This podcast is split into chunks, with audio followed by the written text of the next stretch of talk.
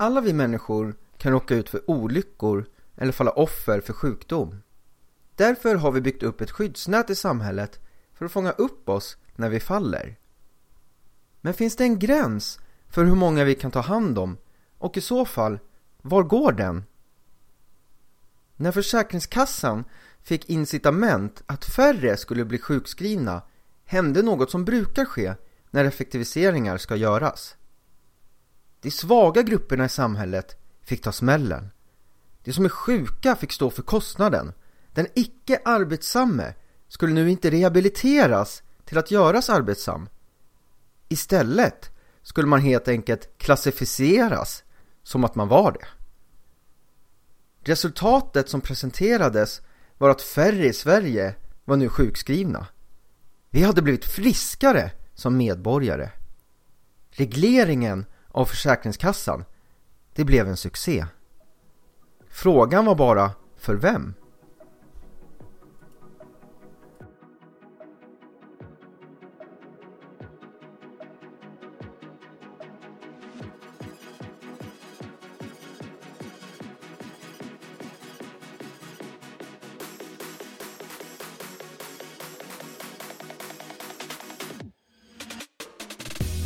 Du lyssnar på Välfärdspodden med Alexander Skytte och Linnea Lindqvist.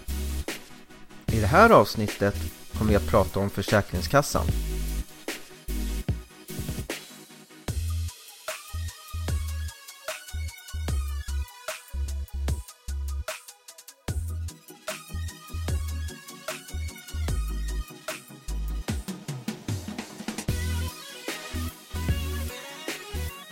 Välkomna till Välfärdspodden. Nu har vi lämnat skolans värld och nu kommer vi under några avsnitt prata om Försäkringskassan. Eh, för alla som läser media och följer med tidningarna har ju hört om många historier om människor som far väldigt illa som blir utarbetade men sen tvingas tillbaks till arbetet. Så att idag har vi med oss Anna Andersson som ska berätta sin historia om vad hon har varit med om i sin kamp för, när hon blev sjuk och sin kamp för att komma tillbaka. Hej Anna! Hej! hej. Vad roligt att du vill vara med i Välfärdspodden. Ja, tack för att jag får vara med och tack för att ni jobbar med en sån här, gör en sån här podd. Det är viktigt och bra så att jag är väldigt glad att jag får vara med och att ni finns och belyser dessa teman som behövs pratas om. Precis, så du har ju haft en kamp med Försäkringskassan. Du blev sjuk av ditt arbete. Vill du berätta lite vad som hände dig? Ja, eh, det vill jag göra. Jag blev... Eh, eh, alltså jag kan säga, det, det, för ett år sedan, ungefär, 2019, eh, under eh, sommaren. Jag hade arbetat på min arbetsplats i eh, inte ett år ens och började känna eh, vissa symptom att jag inte mådde så bra och en dag på jobbet så bara pff, trillade jag ihop. Min kollega trodde att jag hade fått stroke först för allt bara, hela jag var helt tung och bara hängde. Men eh, det var bara en vecka kvar på det projektjobbet så jag bet ihop och tänkte nej, nej, men jag vilade lite eh, i vilorummet så var det bra och sen under helgen så trillade jag ihop igen i en park och efter det kunde jag inte gå på ett halvår. Ehm, och där började egentligen den här resan. Ehm, jag var ju sjuk i någonting som det tog nio månader innan jag fick veta vad det var. Fast jag hade ju mina aningar. Ehm, men eh, det var så att jag blev tung i hela kroppen och började skaka. Eh, som att jag tappade all energi och som att jag helt plötsligt blev väldigt, väldigt tung. Och mina ben kunde inte bära mig och jag kunde inte ens sitta upp. Och så här var det. Jag låg i en, en och en halv månad fast i min säng. Vissa dagar kunde jag liksom, eller någon gång under dagen kunde jag krypa och släpa mig själv till toaletten. Eh, men jag kunde alltså inte stå på mina ben, jag kunde inte sitta upp och jag kunde inte föra min arm till min mun. Jag fick ligga ner och bulla upp med eh, kuddar när jag skulle försöka äta. Så jag var alltså väldigt, väldigt dålig, väldigt nedsatt och sov 15 timmar och sen sov jag ingenting och jag hade psykotiska upplevelser och var fast i min kropp. Det var fruktansvärt. som jag gick igenom där och väldigt mycket dödsångest för jag visste inte vad det var som hände med mig eller vad som eh, vad som hände med min kropp, vad det var som var eh, problem där. Eh, och läkarna visste faktiskt inte heller vad det var eh, för problem med mig. De skrev eh, reaktion på akut stress. Och eh, visste inte vad det var som gjorde att det var så starka eh, reaktioner i, i min kropp och tänkte att det skulle väl eh, gå vidare eller bli bättre. Eh, men jag var alltså helt eh, slut och ehm, ja, kroppen fungerade inte på något sätt och inte min hjärna heller för att det var så att jag blev väldigt trött av ansträngning. Jag blev fysiskt trött av ansträngning ett exempel var att jag låg ner i min soffa som jag låg i hela soffan eller sängen hela dagarna mer eller mindre. Jag hade en vän på besök. Och vi satt och pratade lite, eller jag låg ner. Och efter en stund så är det som att någon bara slår på ett eh, lamplyseavslag på min hjärna. Att den börjar somna gradvis. Och jag börjar prata segare och segare och segare och kroppen blir tyngre och tyngre och tyngre. Fast jag alltså bara legat ner i horisontalläge och pratat. Så jag blev alltså fysiskt trött av mental ansträngning. Och väldigt fysiskt trött av fysisk ansträngning, för det kunde jag ju knappt göra då vissa dagar. Sen vissa dagar var det lite bättre. Kunde gå på darriga ben med kryckor. Vissa dagar efter den här en och en halv månad som var det värsta så kunde jag gå lite till soprummet och försökte liksom resa på mig. Och, för jag fick ju liksom problem med att jag låg ner så mycket. Det gör ju fruktansvärt ont i kroppen att att ligga ner hela dagarna och hela nätterna. Um, ja, så det pågick ju en utredning hos, eh, hos läkaren och vården och det är också ett ämne i sig hur eh, vården hanterar sådant här. Bolla psykiatrin, psykiatrin säger att det inte är deras fall, bolla tillbaka till vården. Väldigt, väldigt luddigt alltihopa.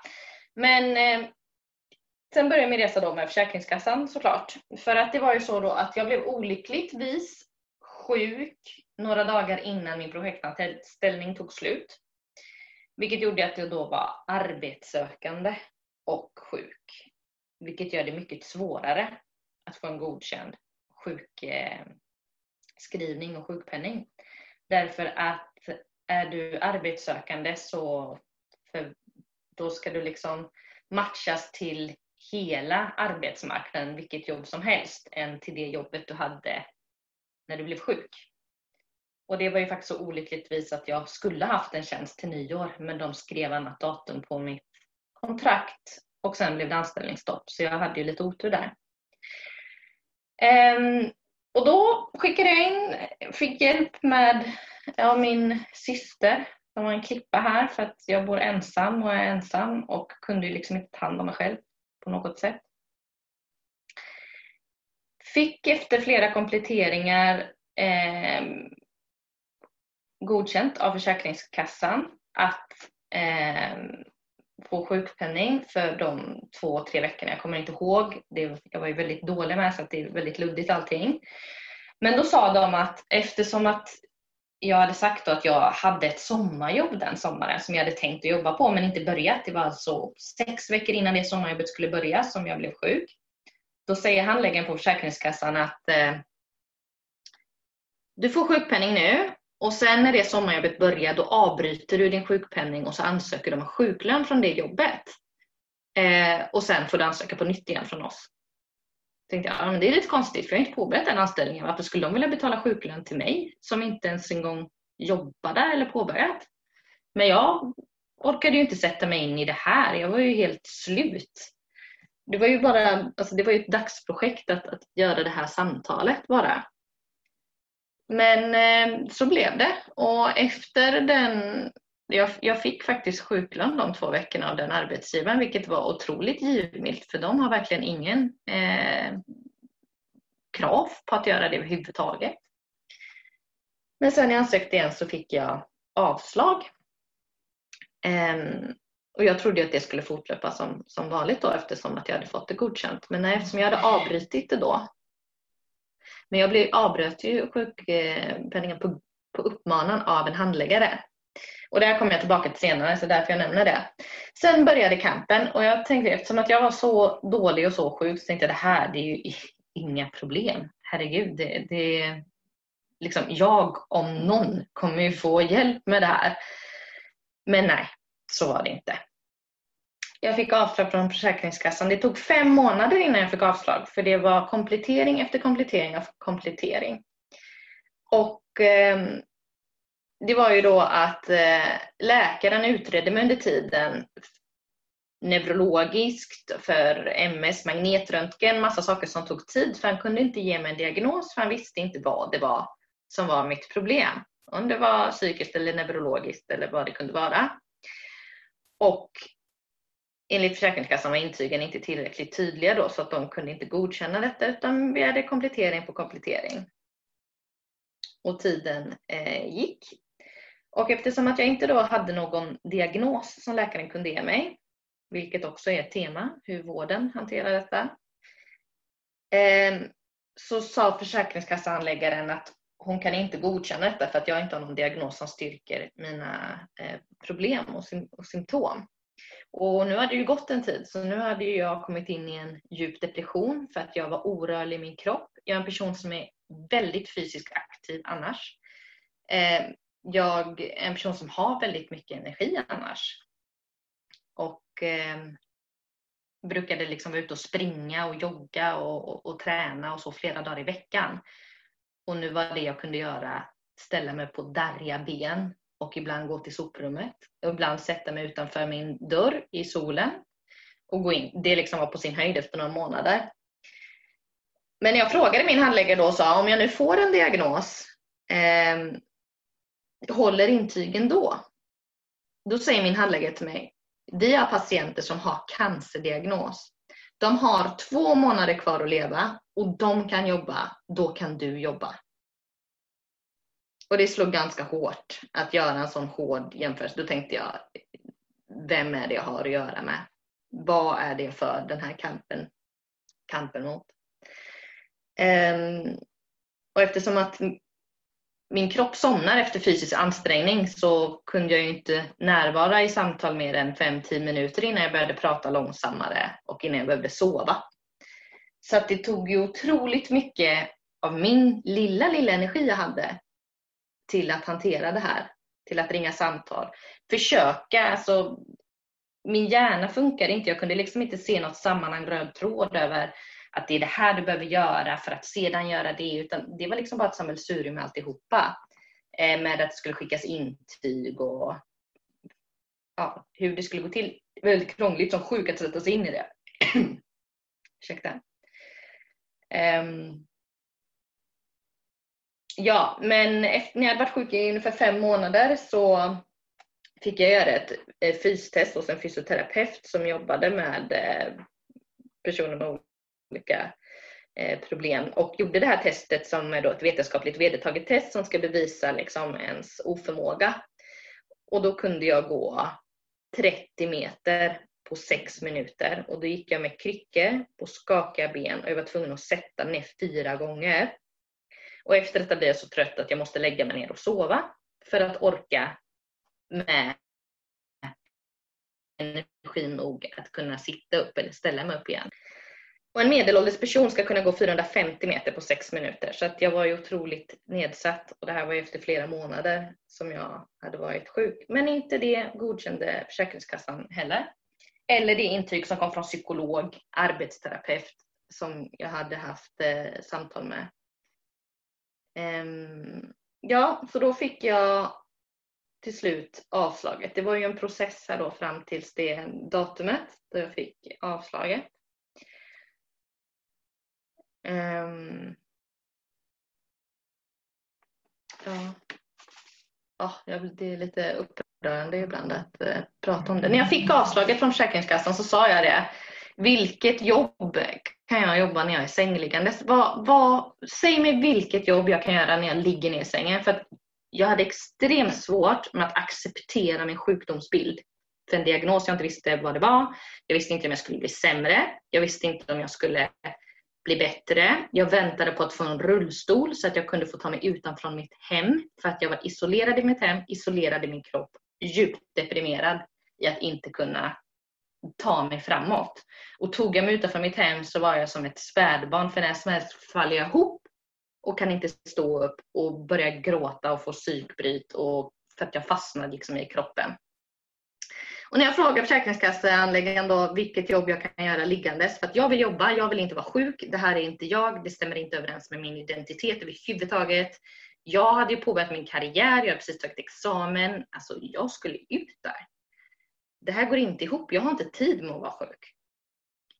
Så säg mig vilket jobb jag kan göra liggandes, jag gör det. Men det är väldigt svårt hur jag ska kunna liksom komma till en intervju. För som det är nu, om jag skulle, eller då, när jag fick avslaget, att skulle jag gå till en intervju så skulle jag få, få gå liksom med mina kryckor till en bil och sitta upp en kvart och sen när jag kommer fram då måste jag lägga mig ner och sova för att återhämta mig efter att ha suttit upp i 15 minuter.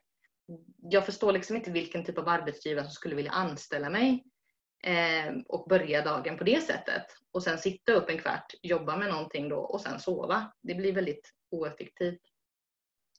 Och jag hade liksom, blev det för mycket intryck så tappade jag hörseln och synen och, och, och, och svimmade för jag blev som att, så det gick ju liksom i olika, i olika grader.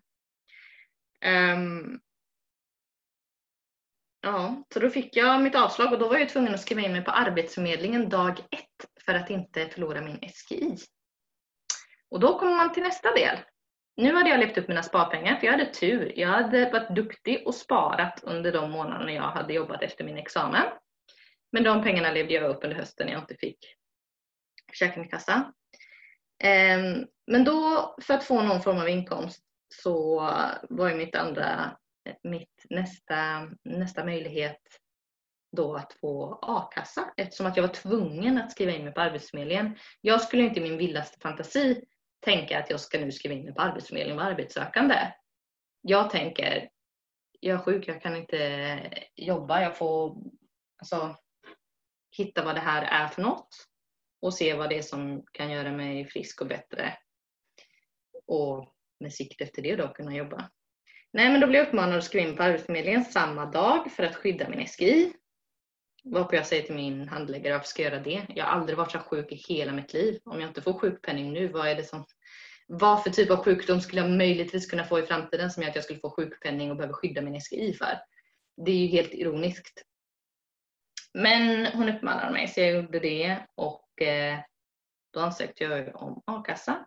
Och då kom man till problem nummer två för att då eh, blir man inbjuden till ett möte med Försäkringskassan och Arbetsförmedlingen där de ska prata om ens arbetsförmåga och vilka typer av jobb man kan söka och så vidare.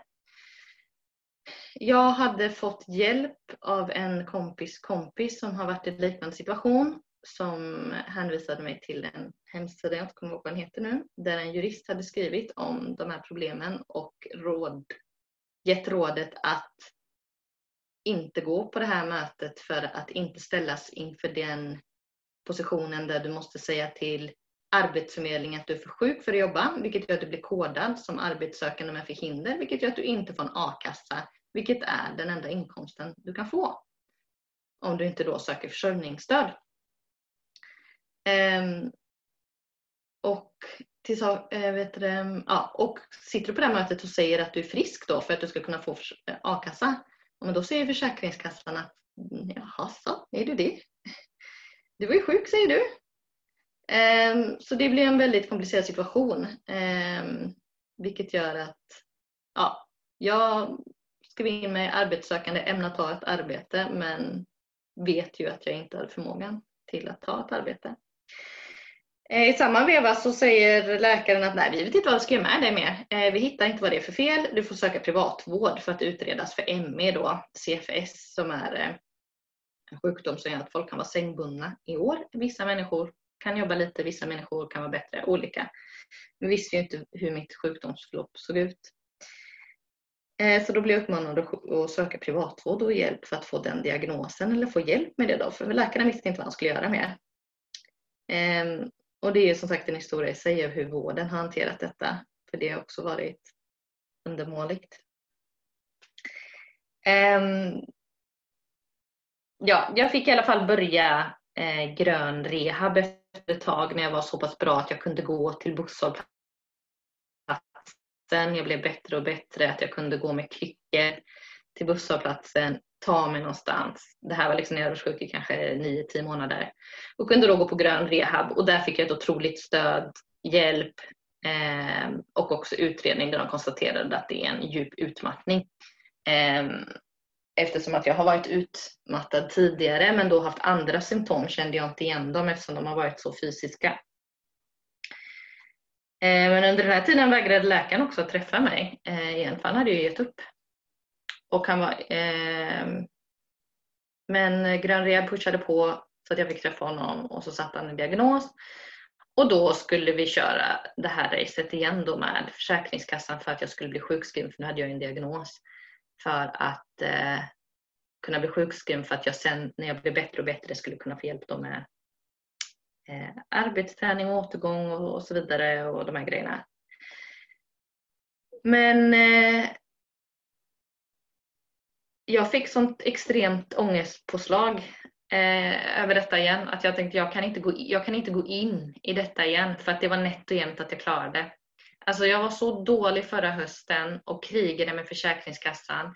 Att inte bli trodd, det, det är så förnedrande att de gång på gång påstår att man är arbetsför när jag kollapsar och är sängliggandes för att vissa dagar bara klä på mig och försöka gå utanför dörren. Alltså det gjorde så att jag började tvivla på mig själv. Det, det gjorde det var fruktansvärt. Att jag bara, det här kan jag inte, jag önskar inte min värsta fiende detta för att det, det knäcker en totalt. Och samtidigt vara sjuk och inte veta hur jag blir bättre och vintermörkret. Jag, jag var knäckt och höll på att gå under. Och kände att jag, jag orkar inte mer. Jag, jag, vill inte, jag vill inte ens vara här. Jag vill inte ens vara sjuk. Men att inte få det stödet och den hjälpen så att kunna jobba på att orka liksom bli, bli frisk. Jag behövde ju vila. Hade jag vilat det halvåret och bara alltså, fått sova eller fått, jag hade ju inte kunnat gå på så mycket revgrejer för jag var så dålig. Då hade jag ju kanske varit ännu friskare liksom snabbare än att behöva ha en sån strid. Det var en otrolig kamp och jag var otroligt förnedrad och arg och upprörd. Men jag hade inte energi att vara arg, vilket var ännu mer förnedrande. Um, Ja, så där jag är idag då är ju att nu mår jag mycket bättre eh, och kan gå och stå och, prata snabbt som ni hör.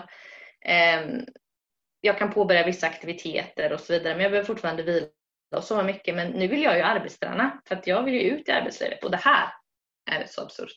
Jag vill ut, jag vill jobba, jag vill inte sitta hemma. Jag blir ännu mer deprimerad av att sitta hemma. Men jag får ingen hjälp med att arbetsträna för att jag är inte sjukskriven eller gå på eh, försörjningsstöd.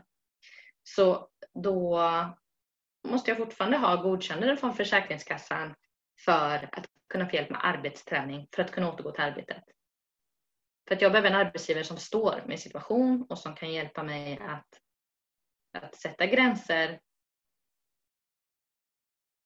och, eh, och jobba på en bra nivå nu vet jag inte om jag sa det, men jag fick utmattnings, ja, utmattningsdiagnos, utmattningsdepression som diagnos.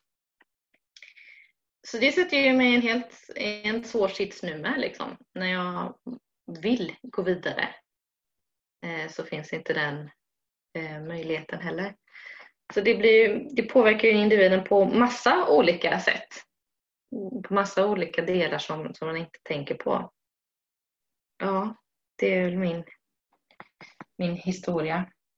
Min eh, upplevelse är att det är en rysk roulette med Försäkringskassan med vem som får hjälp och vem som inte får det. För att jag har bekanta som absolut inte hade så grova utmattningsproblem som jag har. Utan hade yrsel och, och, och, andra problem men kunde ändå gå liksom på nöjesparker och, och, och träna och, och, och hade liksom inte ens ångest utan mild oro men fick Försäkringskassepengar i, i ett år och vila upp sig. Och det är så det är som att det är en rysk roulette. Jag har läst den vännens intyg också och det är inte mycket skillnad från mina. Det, Jag vet inte. Vad tror du att det beror på, då, på att läkare och Försäkringskassan gör så olika bedömningar? För jag jobbar själv som chef och har ju många medarbetare och jag upplever att ofta säger läkarna att du kan inte jobba och Försäkringskassan säger att du kan jobba. Mm. Eh, nej, alltså det, det jag, jag tänkte lite på det. Det är ungefär som att studera. För jag, för jag tänkte så här, när jag fick avslag och bad om komplettering, då återkom försäkringshandläggaren till mig och säger att ah, men du har fått avslag på, på, på intyget. Jaha, okej, okay. det är inte jag som har skrivit intyget. Nej, men du får kontakta din läkare då och, och så han får skriva rätt eller ändra och så. Och då tänker jag, men jag har ju inte med det här att göra. Då får ju de prata med läkaren. För det är ju läkaren som har skrivit intyget, då får ju de kommunicera. På det här sättet får du skriva eller kolla i den här manualen hur du ska göra för att vi har dessa reglerna och ramarna. Men att patienten ska vara mellanhanden är väldigt, väldigt konstigt. Så där tror jag att det behövs ett, ett samarbete. Men jag tänker det är lite som att likna med att man skulle gå en utbildning i psykologi, en psykologisk utbildning. Och sen så är examensmallen skapad för elektriker. Att det går inte ihop. För att det är liksom som att läkarna skriver på ett sätt utifrån hur de skriver sjukintyg och vad de ser. Men Försäkringskassan har ju helt andra mallar och regler för hur de tolkar det. Um, och hur det ska skrivas. Och sen har jag ju fått till mig att det finns kurser för läkare att gå för att lära sig de här intygen, hur de ska skrivas. Precis som jag tänker att när man läser på universitetet så lär man sig ett visst sätt att referera på och att det ska bara vara på det sättet. Så då kanske läkarna bara måste lära sig det sättet. Men läkarna har ju ett arbete, ett yrke som de kan. De är utbildade inom det. Då måste ju Försäkringskassan kunna lita på det de skriver och det de bedömer. Och nu är det som att Försäkringskassan, de utgår ifrån att patienten ljuger och läkaren försöker luras. Det är som att det är deras som att de utgår ifrån det tills du eh, bevisar motsatsen. Ungefär. Det, stod faktiskt till och med i ett brev från Försäkringskassan. Läkaren utesluter att patient fabulerar, alltså hittar på, berättar, gör upp historier om, om sin situation Eh, att det ens en gång ska, ska stå där. Att de ens en gång utgår ifrån att någon sätter sig och ljuger om det här och hittar på. Men jag vet inte varför Försäkringskassan dömer läkarintygen så olika. De har inte, de har inte medicinsk kompetens, de har inte den utbildningen. De har inte ens träffat patienter. Eh, det är väldigt eh, konstigt. Och du sa ju att du levde på sparade pengar den här perioden. Och jag mm. tänker, det är många som inte har pengar sparade. Mm. Eh, om man inte har sparade pengar, vad gör man då? Ja, vad gör man då? Det, det undrar jag. Men för mina pengar tog ju slut där när jag fick avslaget. Då var det så här, om jag inte får eh, sjukpenning så tänkte jag, då hyr jag ut min lägenhet och flyttar in till en kompis. Fast då ändrades ju reglerna förra året om att man inte riktigt kan hyra ut så på Airbnb och så för att då finns det konsekvenser för det. Nej, jag vet inte. Jag sa det till min handläggare, du sätter en person på gatan nu. Vad ska jag? jag har ingen familj. Jag har ingen familj, jag har ingen som kan försörja mig. Jag har en syster, hon är student och bor i en etta. Visst, jag hade kunnat bo på hennes soffa men alltså, det, ska jag flytta in där och bo där? Det, jag vet inte vad man gör. Det man får ju söka försörjningsstöd eh, om man inte har några pengar alls såklart. Den möjligheten finns ju också. Eh, sen är väl det en annan härva liksom, att, att gå igenom det och göra det. Men det är tråkigt att, eh, att hamna när det finns ett sjukförsäkringssystem. När man har arbetat, när man har betalat skatt, när man har liksom Ja, man har inte bestämt sig själv för att bli sjuk. Och jag tänker, nu är det ju en utredning på gång om jag har förstått det rätt. De ska titta på sjukförsäkringen igen. Och det, mm. kommer ju, det kommer ju studier och utvärderingar med jämna mellanrum. Vad skulle du vilja säga till eh, de ansvariga politikerna? Hur, hur borde de ändra sjukförsäkringen? Um, ja, alltså att att utgå ifrån att, att patienten talar sanning, att utgå ifrån att det finns en sjuk individ. Det är ju ett. Att det är det de ska utgå ifrån. Inte utgå ifrån att, att det inte är sanning. För det är så det verkar vara idag. Sen tänker jag, alltså Försäkringskassan-läkaren, de har inte ens mött patienten. Det, det, kan det ju vara liksom i vissa fall när det går väldigt långt och det är överklagan och, och, och eh, vad heter det? Nej men överklagan. Jag valde att inte göra överklagan och, och, fortsätta med den fighten för att jag hade inte klarat det. Jag var så mentalt vag och nedbruten att eh, jag grät varje dag och jag hade inte klarat av det. Jag var okej, okay, nu, nu släpper jag detta för att jag går under. Blev liksom galen av ilska eh, också. Men jag tror att om, om handläggaren möter patienten eh, och läkaren Ehm, för att jag förstår liksom en längre sjukskrivning att, eh, att det kanske inte bara går att godkänna liksom ett, ett, papper men att då möta patienten, möta läkaren, lyssna eh, på eh, på det. Jag pratade faktiskt med en försäkringskasse typ granskare eller någonting. Och hon sa det, hon bara, jag hör ju till och med på din röst hur du inte ens orkar prata. Jag förstår ju att du är otroligt nedsatt. Men det kunde ju inte handläggaren höra på det sättet. Liksom. Um, ja, jag, jag vet inte. Ja, det, nej, det är det jag har att säga. Att, att utgå från att det faktiskt är en sjuk person och den komplex, det komplexa sjukbilden som finns. Att, alltså, det är inte A eller O. Om en patient kan göra det här en dag så betyder det inte att den kan göra det nästa dag. För att den dagen jag kunde gå till soprummet betydde att jag var sängliggandes i tre dagar till sen.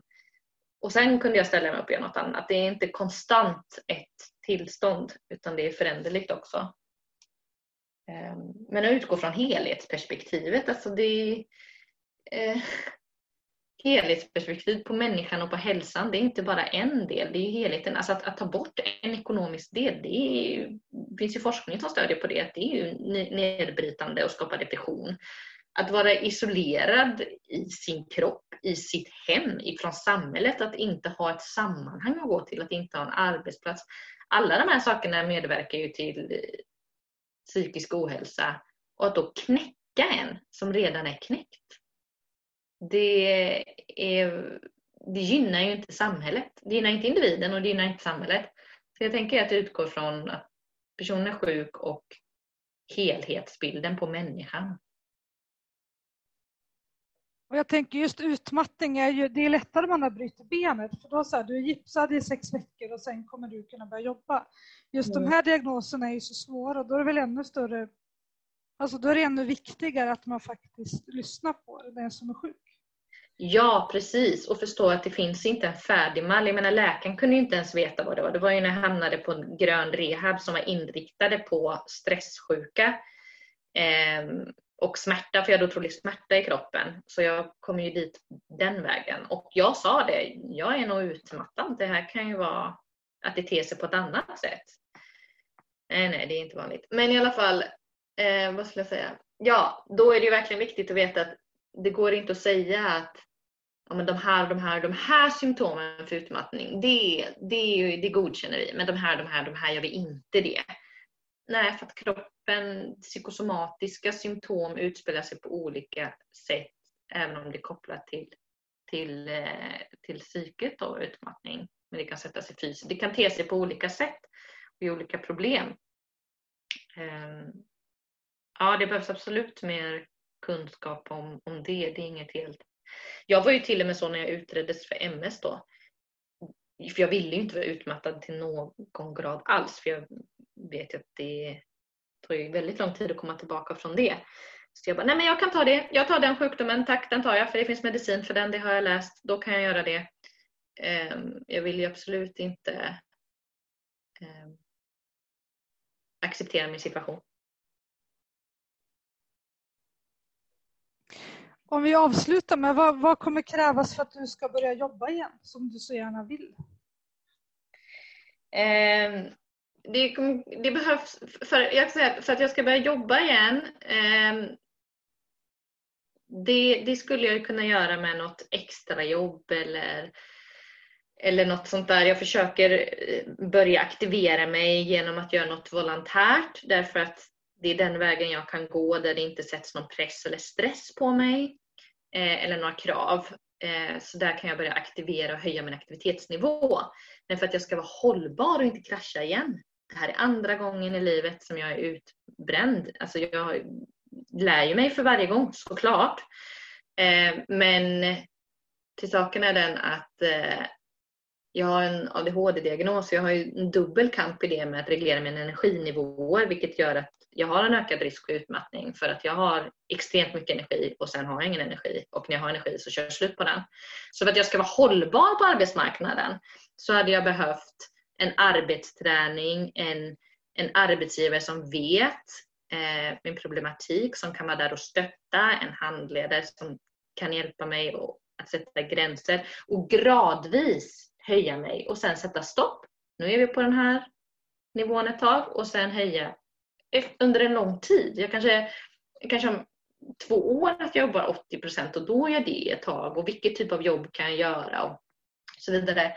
Men att börja jobba, ja jag kan ta ett extra jobb nu i, i höst liksom och jobba någon timme där, någon timme där och så får jag liksom jag har ingen livskvalitet efteråt för att jag måste bara återhämta mig. Men det är ju inte hållbart i längden. Jag behöver ju en stöd för upptrappning. Um, ja. Men jag blir ju bättre och bättre liksom. ju mer tiden går och jag lär mig liksom hur jag ska bibehålla min energi och jobba med det och så vidare. Men eh, jag är ju väldigt rädd för att eh, det är ju det är många som får återfall igen inom den närmsta tiden och då finns det ju ingen backup.